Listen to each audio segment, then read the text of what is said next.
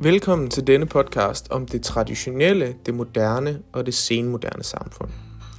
For at forstå, hvilke karakteristika, der påvirker individets identitetsdannelse og sociale liv i dag, er det hensigtsmæssigt øh, at se lidt på sammenspillet mellem individ og samfund i et mere historisk perspektiv. Og det er det, vi vil dykke ned i i den her podcast. Det traditionelle samfund, også kaldet for landbrugssamfundet, det eksisterede i Danmark frem til ophævelsen af stavnsbåndet i 1788. Denne begivenhed viste sig at være et vigtigt skridt på vejen mod det, man kalder for industrialiseringen i Danmark. Den menneskelige arbejdskraft var i det traditionelle samfund omdrejningspunktet for familiens overlevelse. Menneskets eneste mulighed for at skaffe mad var gennem jagt og senere gennem at dyrke landbrug. Det var dog langt fra alle, der besad ressourcer til at dyrke landbrug, og usikkerheden i forhold til at kunne skaffe mad på bordet til familien var hverdag for mange dengang. Slægt og familie var afgørende for, hvilken social og økonomisk status man besad i samfundet. En arbejdsdeling med specifikke kønsroller var en nødvendighed for, at hverdagen kunne løbe rundt i den gængse familie. Denne sociale arv var bestemmende for, hvilket erhverv man senere i livet kunne forventes at bestride. Havde ens familie penge, kunne man se frem til et liv med folk til at gøre arbejdet for en.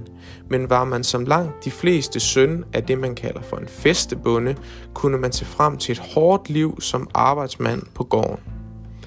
Det, den enkelte blev socialiseret ind i nogle helt specifikke traditioner for forældrene og lokalsamfundet. Risikovilligheden til at bryde med disse traditioner var lav på grund af de sociale konsekvenser, det kunne have i lokalsamfundet, men også fordi de direkte konsekvenser af en dårlig høst kunne være fatale for familien. Denne frygt for at tage chancer gjorde det ligeledes gældende i noget så basalt som pardannelse, hvor det var direkte utænkeligt at gifte, gifte sig med en pige, uden at de praktiske omstændigheder var i orden.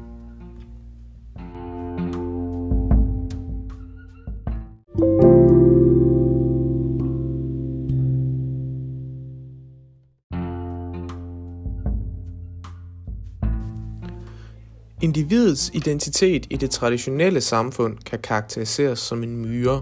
Myren er en metafor for et individ, som arbejder flittigt og følger normer og traditioner blindt, uden at sætte spørgsmålstegn ved disse.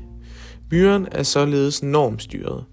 Myren kan uafhængigt af egen tankevirksomhed stille sig tilfreds med sig selv, hvis blot den har levet op til det, som traditionerne foreskriver. Hvis ikke myren efterkommer forventningerne fra det omgivende samfund, vil myren omvendt føle skam. Fokuspunkter eller centrale begreber fra det traditionelle samfund er øh, primær socialisering som udgangspunkt for socialiseringsgrundlaget, altså hvordan man øh, Øh, danner normer og værdier. Lav grad af social mobilitet, det vil sige evne til at flytte sig mellem sociale klasser. Klare forventninger fra de omgivende samfund, det vil sige klare værdier og normer i samfundet.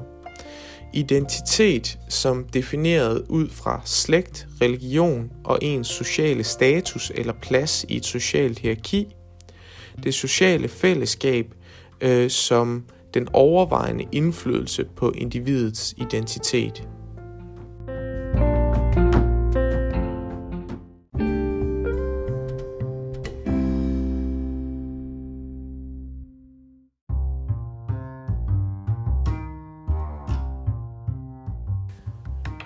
For at forstå overgangen fra det traditionelle samfund til det moderne samfund, kan man kigge på et af sociologiens vigtigste værker, øh, skrevet af Ferdinand Tönnies, fra, som levede fra 1855 til 1936.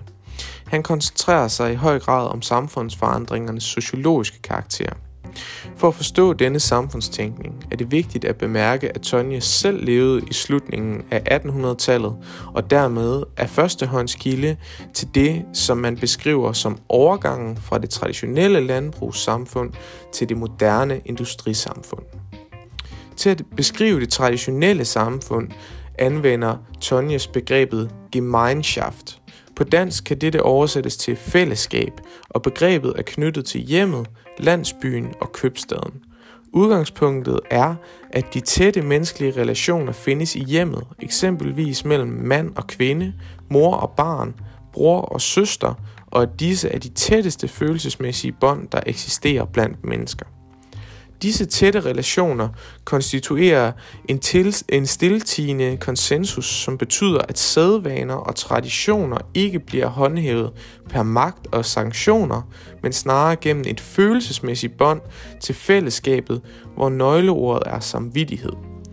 Tonjes samfundsmæssige pointe er, at denne form for tætte relationer ikke kun eksisterer i familien, men også kan ses i landsbyer og købsteder. I praksis, I praksis kan Gemeinschaft således identificeres i et landbrug på en gård eller i en håndværkervirksomhed, der blandt andet inkluderer mester, håndværkersvende, arbejdsfolk og tjenestefolk. Øh, som helhed med fælles værdier og mål. På denne baggrund kunne man derved skabe sin identitet. Ligesom Gemeinschaft er stærkt knyttet til landsbyen og købstederne, er Tonjes andet begreb Gesellschaft tæt forbundet med storbyen. De små landlige og familiære fællesskaber er i byen erstattet af individualisme, ligesom de socialt stimulerende lokale virksomheder erstattes af store virksomheder uden nogen interkollegial og social substans.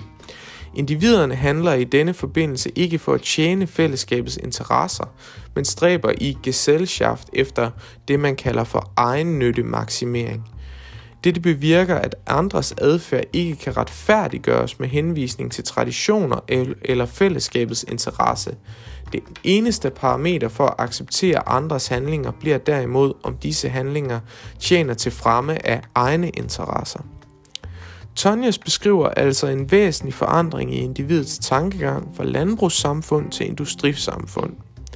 I Gemeinschaft er individets handlinger determineret af fællesskabets præferencer, hvorimod individet i Gesellschaft er blevet udstyret med magten til at forfølge sine egne rationelle lyster og interesser. Tonje skældner her mellem to typer af vilje, henholdsvis væsensvilje og valgvilje. Væsensviljen tager udgangspunkt i fællesskab og traditioner, og menneskets viljeshandlinger kan dermed øh, siges at være direkte formet af familien, landsbyen eller købstaden.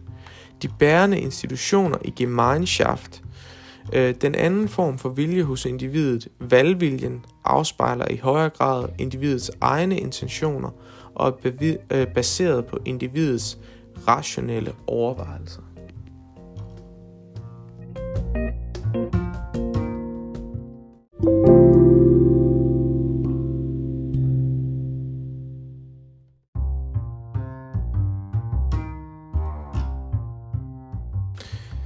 Tonjes' beskrivelse af overgangen fra et traditionsbundet fællesskabsorienteret samfund til et moderne og mere individualiseret samfund står stadig som en vigtig førstehåndskilde til de sociale forandringer i perioden omkring slutningen af 1700-tallet og i særdeleshed op gennem 1800-tallet. Men hvordan kunne et relativt statisk samfund, der havde eksisteret siden øh, år 1200 og frem til år 1700, pludselig bevæge sig så markant? Det alt overskyggende svar på dette spørgsmål er teknologi og den deraf følgende industrialisering. Industrialiseringen startede med en række teknologiske fremskridt, hvoraf især opdagelsen af at udnytte fossile brændstoffer med henblik på produktion og transport var fremtrædende. Teknologiens fremkomst betød, at landbruget ikke længere behøvede samme mængde af menneskelig arbejdskraft til at producere en stigende mængde afgrøder. Den første og måske vigtigste konsekvens af denne udvikling var, at mad ikke længere blev var en mangelvare, som den hidtil havde været i det traditionelle samfund. En anden meget væsentlig konsekvens var, at der i kraft af maskinernes indtog i landbruget ikke længere var en tilsvarende efterspørgsel af menneskelig arbejdskraft i landbruget. Dette dannede grundlag for en af de mest øh, samfundskarakteristiske udviklinger i det moderne samfund, nemlig urbaniseringen. Begrebet urbanisering dækker over, at folk som følge af de ændrede jobmuligheder flyttede fra landsbyerne og landbrugssektoren mod storbyerne og den industrielle sektor. Det var delvis forårsaget af de forringede jobmuligheder i landbruget, men alt imens udviklingen drev arbejderne væk fra landsbyerne, skød nye store fabrikker op i storbyerne og efterspørgselen efter ufaglært arbejdskraft til at bemande samlebåndsposter på fabrikkerne var ikke til at tage fejl af. Netop samlebåndsproduktionen var altafgørende for, at industrialiseringen for alvor tog fart. I forbindelse med udviklingen af denne standardiserede produktionsmetode benyttedes generelt to hovedbegreber, Fordismen og Taylorismen.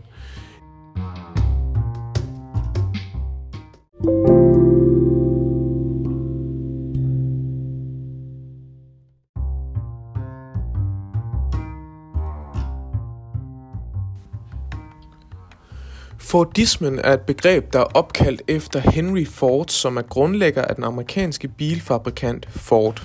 Henry Fords tanke var at samlebåndsproducere varer til et bredt marked. Dette indebar blandt andet, at han overbetalte sine egne medarbejdere for at give dem råd til selv at købe en bil ofte gennem afbetalingsaftaler, for derved at udvide markedet for hans produktion.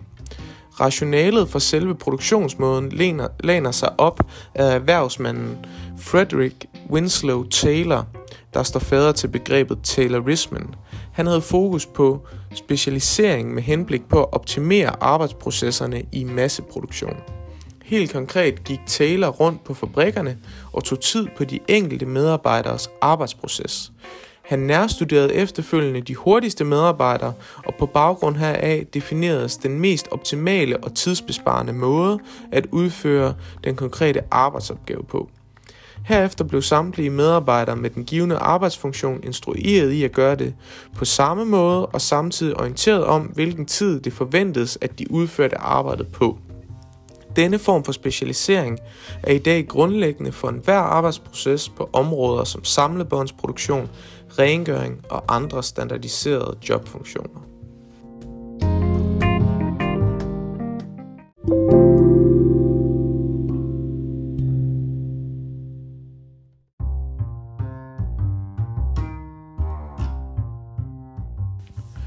De ændrede arbejdsstrukturer i det moderne samfund betød, at en stigende andel af befolkningen flyttede fra land til by. En udvikling, som var med til at konstituere en helt ny socialisationsarena, nemlig storbyen. Den tyske sociolog Georg Simmel, som blev født i 1858 og levede til 1918, undersøgte i værket Storbyen og det åndelige liv, storbymenneskers måde at interagere socialt på. Storbyen er ifølge Simmel stedet, hvor den objektive kultur vender frem, og den individuelle kultur forsvinder. En tendens han beskriver som The Tragedy of Culture. Denne tendens kan grundlæggende ses fra to perspektiver. Det fysiologiske perspektiv, der lægger vægt på, at storbyens mange indtryk resulterer i, at man beskytter sit subjektive liv med rationalitet og blaserthed – Blaseretheden betyder, at man forsøger at skjule sine følelser for andre af frygt for, at andre vurderer eller konfronterer, konfronterer en med disse følelser. Et eksempel øh, på frontstage-backstage-relationen, som vi kender fra Erving Goffman. Storbyens institutionelle effekt var, øh, at udviklingen i pengeøkonomien for alvor tog fart. Det påvirkede også andre dele øh, er livet sværere, således at den økonomiske rationalitet og beregnelighed førte til individets egoisme og anonymitet. Modsat mange af senmodernitetens teoretikere anser Simmel storbyens fremkomst som underminerende for individualiteten i samfundet. Tesen var, at der skete en nivellering, eller det man kan kalde en ensretning, i forbindelse med urbaniseringen, og at denne gjorde det sværere og sværere at opretholde individualitet under øh, den objektive kulturs dominans. Eksempel på dette tab af individualitet kunne være, at skoproducenten ikke længere kender dem, de producerer sko til, modsat skomaren fra det traditionelle samfund, der kendte sine kunder og deres individuelle behov. Kendetegnene for den sociale interaktion i storbyen er, ifølge Simmel, de såkaldte ansigtsløse relationer. Disse ansigtsløse relationer skal ses i kontrast til ansigt-til-ansigt relationerne, der kendetegnede landsbymiljøet. Selvom Tonjes og Simmel levede i et andet århundrede, er deres teorier stadig centrale for det sociologiske genstandsfelt. At studere individet i samfundet. Med andre ord er deres beskrivelser af, hvordan identiteten påvirkes af samfundsforandringer, stadig yderst anvendelige.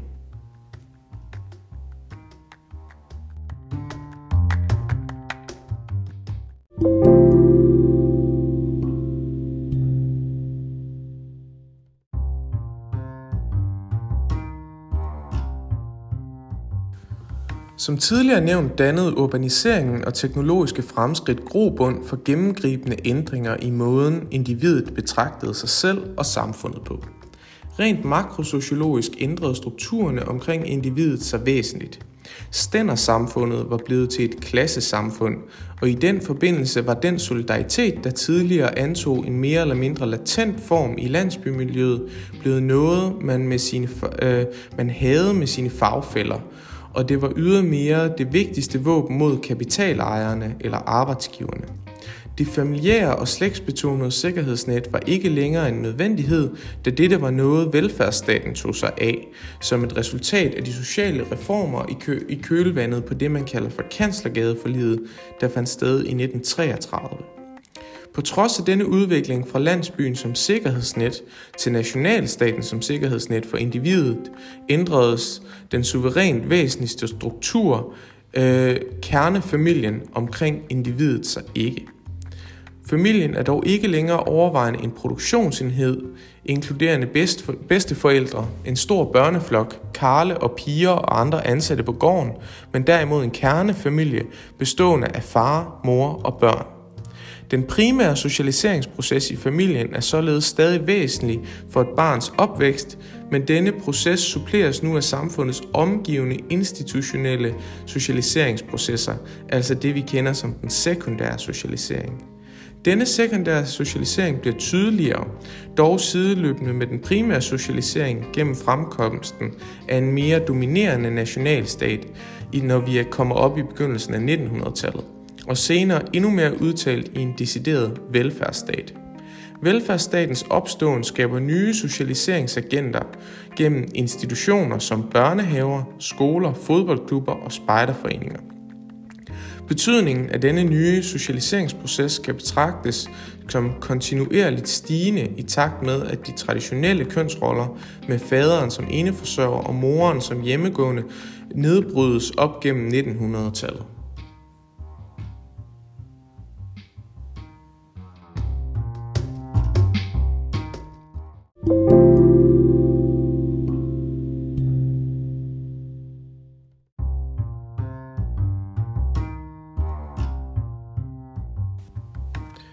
Det industrialiserede samfund eller det moderne samfund er individets identitet at betragte som en snegl.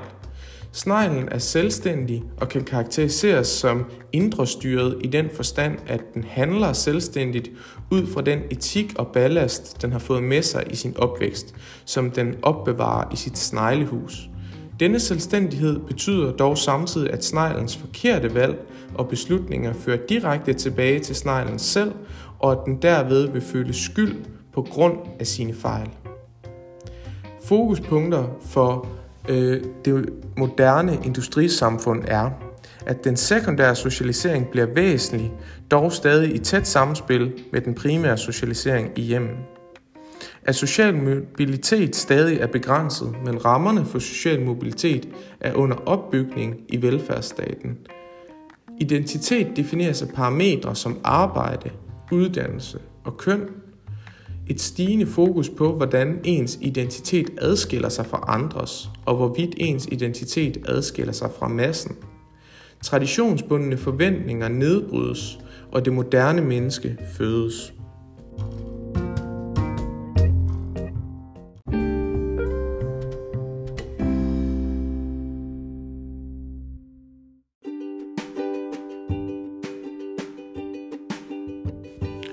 Fælles karakteristika for både det traditionelle og det industrielle samfund har været, at der har hersket en vis form for sammenhæng imellem individets identitet, dets sociale rolle og ikke mindst det miljø, individet befandt sig i. Disse tre parametre har fungeret som en form for indbyrdes sammenhænge, der hver især påvirkede hinanden i en given retning, og som i sidste ende definerede et menneskes livsforløb. Denne tanke om en mere eller mindre gennemskuelig rød tråd i identitetens tilblivelse og ideen om, at det enkelte individ præges i en veldefineret social og geografisk arena, er noget senmodernitetens væsentligste teoretikere gør op med. Individet er i det senmoderne øh, kontekst overladt til sig selv uden en konkret tilknytning til hverken religion, traditioner eller familien. Der findes, så at sige, ikke længere ting, der er prædetermineret for individet, hvor man står på egne fødder i senmodernitetens mest gennemsyrende projekt, konstruktionen af selvforståelse og identitet. Med overgangen til det senmoderne samfund, som sker omkring 1960 eller 1970, bliver den sociale orden mere flydende, og mulighederne for at præge sit eget liv ses tydeligt i de mange nye livsformer, som dukker op. Denne udvikling skaber en helt ny form for social karakter hos individet, som kaldes det gruppestyrede menneske. Hos det gruppestyrede menneske er selvforståelse og identitet en fleksibel størrelse, og den revideres derfor løbende alt efter omverdenens skiftende forventninger. Som individ i det senmoderne samfund socialiseres man altså som et autonomt subjekt, som har friheden til selv at definere sit eget liv ned til den mindste detalje, men som samtidig også selv må bære ansvaret for sine valg. Det er dog en forudsætning for det senmoderne menneske, som også Honnet taler om, at omverdenen anerkender ens identitet, og de til med respekterer ens ret til frit at tage beslutninger inden for rammerne af sit eget liv. Man kan i en vis forstand tale om en markedsliggørelse af det sociale rum, individet bevæger sig i. Hvis man vil skille sig ud fra mængden, må man som menneske i senmoderniteten markere, hvordan man skiller sig ud fra andre, og en videre tilbyde, hvad der bliver efterspurgt i den konkrete sociale kontekst.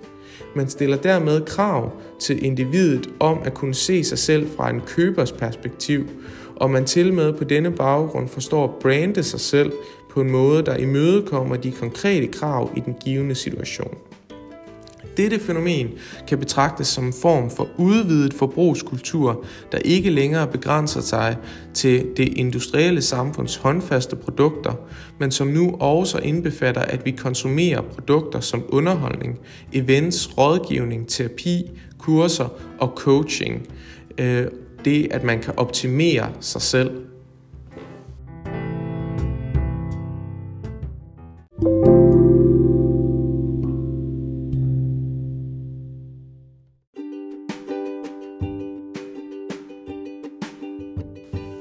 I senmoderne samfund kommer der desuden en ny socialiseringsarena, som kaldes for den tertiære socialisering. Den tertiære socialisering består af forskellige nye typer af medier. Det starter med radio, fjernsyn og udbredelsen af det trygte medie i højere grad, og bliver senere op gennem 80'erne og 90'erne til internettet og fra nullerne de sociale medier, som alle sammen påvirker individet på forskellige måder, og på den måde er med til at bryde lidt med den primære og den sekundære socialisering.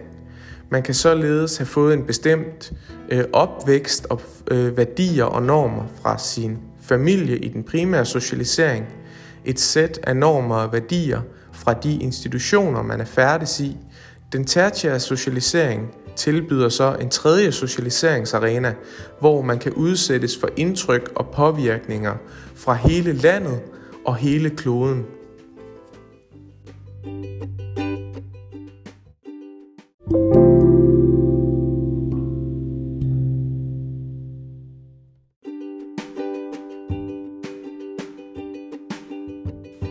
Individet i det senmoderne samfund kan karakteriseres med dyret kameleonen – Kameleonen repræsenterer det gruppestyrede individ, der tilpasser det sociale rum, den befinder sig i. Den kan ikke støtte sig til traditioner, som myren kunne det, og den har ikke det stærke jeg som sneglen, hvorfor den må støtte sig op af andre, da den ikke kan stå alene. Kameleonen er marginaliseret i den forstand, at den tilpasser sig omverdens adfærd og værdier, fordi den ikke selv har nogen specifik kulturel bagage. Mærkevarer og andre ydre faktorer er kameleonens vigtigste værktøjer til at tilpasse sig flokken. Dens valg af partner er ofte midlertidigt, da, den aldrig, da det aldrig er til at vide, hvad morgendagen bringer. Måske kommer der et bedre tilbud. Kameleoner har brug for bekræftelse, og hvis den ikke får det, føler den hverken skam som myren eller skyld som sneglen. Den føler angst for at stå alene og dermed at være isoleret fra gruppen. Kendetegn ved det senmoderne samfund er, øh, at identiteten i højere grad defineres af forbrug, materielle besiddelser, altså hvad man ejer, og evnen til at brande sig selv over for andre og dermed vise sin identitet frem. Der er fokus på ens eget image og andres opfattelse af ens selv. Det man kan betegne som fællesskaber er nu radikalt forandret og under oplysning, opløsning, og individualiseringen er en realitet. Desuden er den tertiære socialisering en væsentlig faktor i det senmoderne samfund. Det senmoderne samfund kaldes sådan, fordi at der ikke er et decideret brud med det moderne samfund i den forstand, at der er nogle træk fra det moderne samfund, der stadig er gældende i det senmoderne. Det gælder blandt andet urbanisering og industrialisering.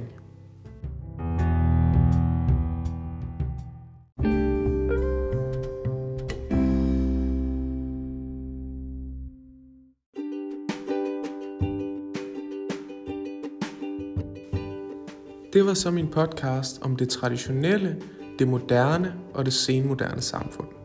Tak fordi du lyttede med.